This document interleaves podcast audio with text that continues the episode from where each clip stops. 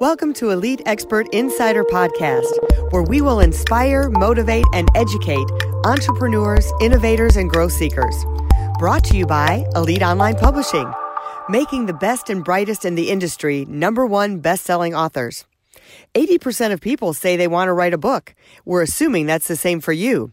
If so, contact us at www.eliteonlinepublishing.com and make your book a reality. Hi, it's Melanie Johnson here along with my partner Jen Foster. How you doing, Jen? Good. How's everyone doing today? It's a great day. I put my feet on the ground every day and say, it's going to be a great day. So, hey, we have another fantastic show for you. Um, we've got someone, JT Mesta. He's a number one best selling author. He has overcome so many different things in his life. And I just want to say, he is one of the most positive, angelic people.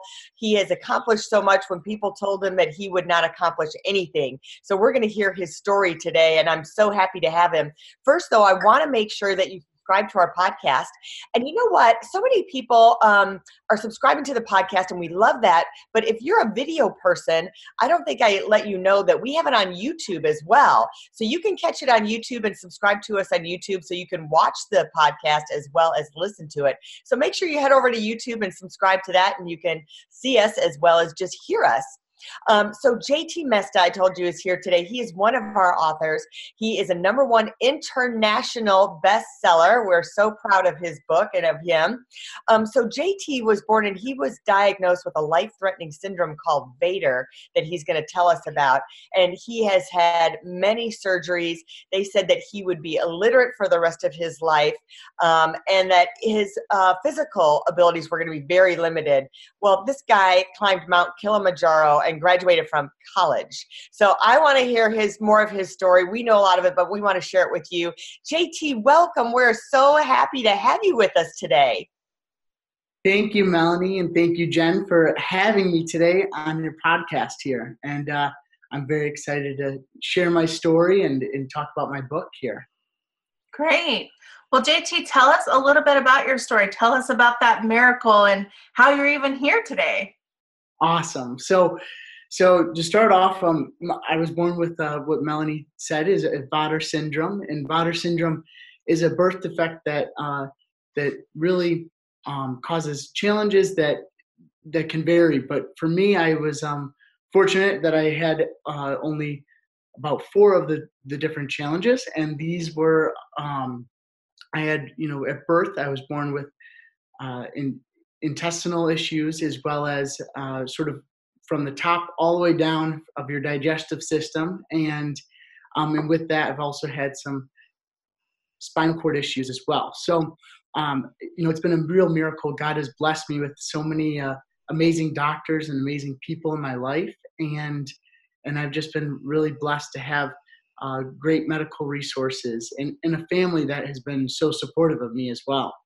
And so and just to, to break down sort of my story, um, when I was born, I was born with Vater syndrome, and uh, and so I've had uh, what they call TEF repair, and that is a tracheoesophageal fistulas that they um, repaired at birth. That uh, is, as the doctors said, it was like repairing a wet tissue paper, and and so you could see at a, at a young age that some of these were very challenging uh, times and, and things, but as it progressed, I, you know, we realized that there was a lot more I was uh, going to deal with throughout my life. So I want to fill you in a little bit about my Vater syndrome. And so what Vater syndrome is, is, is where you're born with sort of four main birth defects. And so um, these birth defects uh, stem from the esophagus and, and intestinal issues, as well as spinal cord issues that you can have and heart problems and fortunately for me, I was born with just three of the four. And so, um, with that, those have been repaired from birth on, and um, and and so, many of those surgeries were at a young age.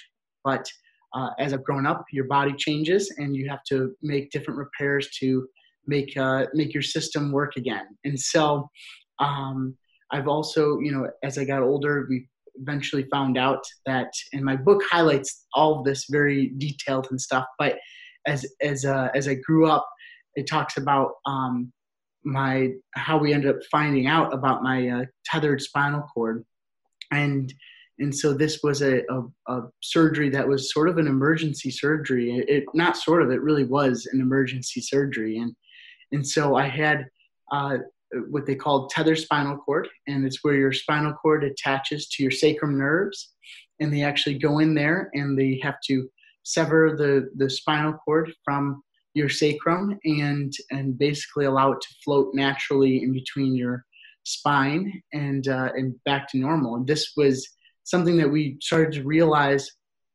um, from uh, my parents noticing noticing that I had a limp and had bad leg pain and back pain and and eventually um, you know doctors issued that we needed to to take care of this as soon as possible.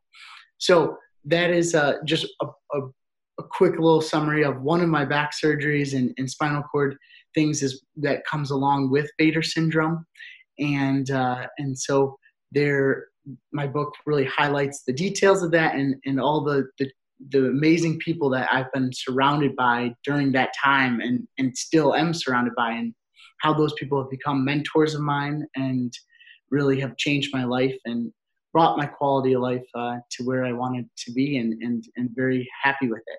So, how many surgeries have you had? So, I've had about 16 operations, wow. and uh, and those, like I said, stem from esophagus, intestinal tract to spinal cord, and uh, and many other loose ends there too. So. And it just amazes me that they told you in fourth grade that you would never be able to read.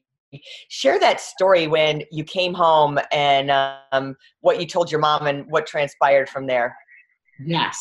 So um, i was uh, at a school here in, in, in home at home in the Detroit, greater detroit area. And um, basically i you know at that point i had come home and um, and I had laid on the kitchen floor and i told my mom that all i wanted to be able to do is read er, is uh, is read because my whole life had been about the medical side of things and it just really uh, you know i really just wanted to be able to read like all the other kids in in in those great you know in school. And and so with that um, my parents were on a mission to uh, to you know sort of find the best um, program the best uh, system that would work for me and we were blessed to uh, be introduced to a gentleman named Steve Tatum.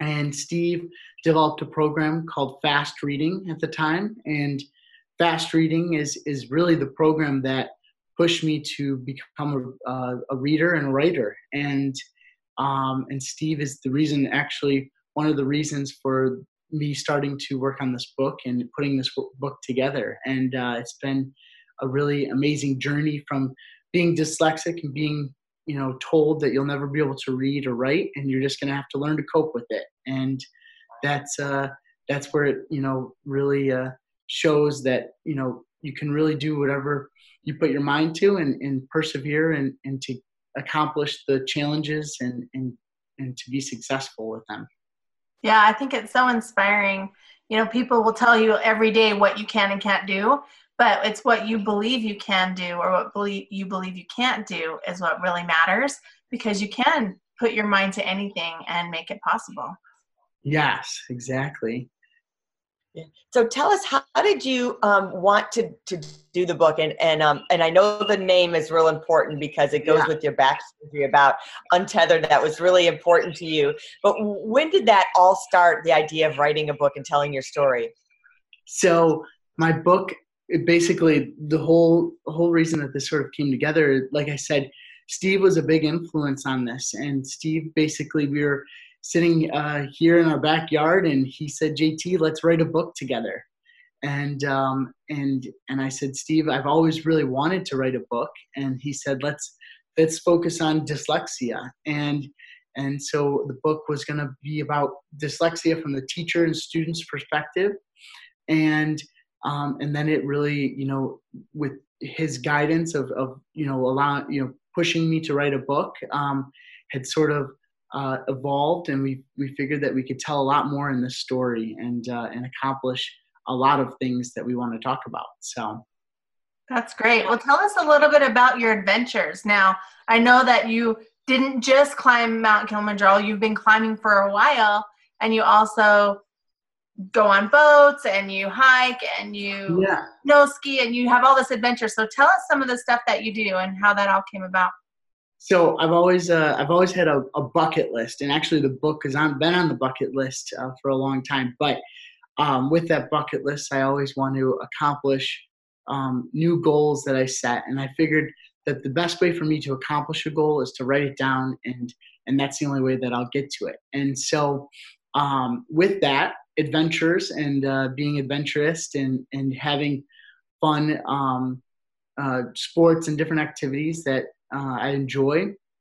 I've you know added those to my bucket list as well, and so I've accomplished uh, quite a few um, what they call 14ers in Colorado, and those have been a really fun adventure. Um, and I've done most of those with the gentleman and, and uh, Lottie Sloth and his wife Martina, who uh, actually climb Mount Kilimanjaro with me as well. So I've uh, I've been blessed to have them in my life and to really learn a ton from them in their outdoor experience, and, and they've really you know instilled that in me and, and the love and passion for the outdoors.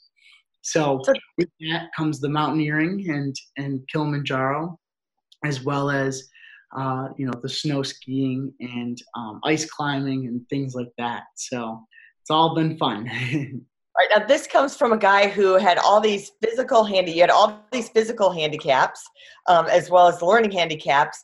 So, when you put something on your bucket list, how do you go about like first saying, "I'm going to do this"? What is what are some of the first things you do? I mean, other people who have no limitations don't know where to get started when they hit put something on their list. What do you do when you set a goal? What are the first steps that you take?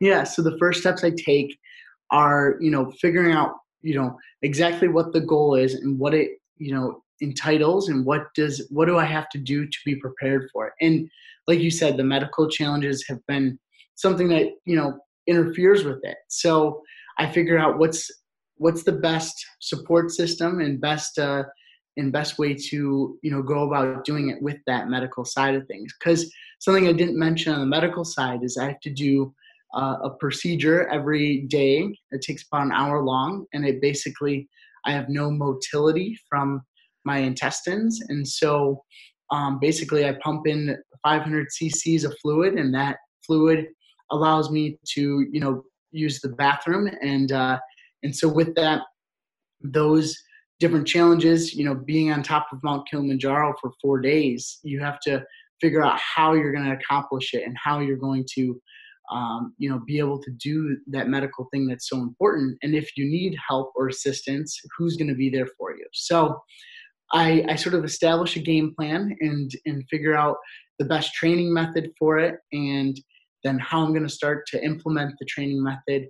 And then on the back end, the medical side of things too is trying to uh, figure out who's going to be there and how are we going to accomplish uh, the medical side too if I, if we need support with it. So, but fortunately, Kilimanjaro and everything has been a huge success, and uh, and with with the, even with the medical side of things.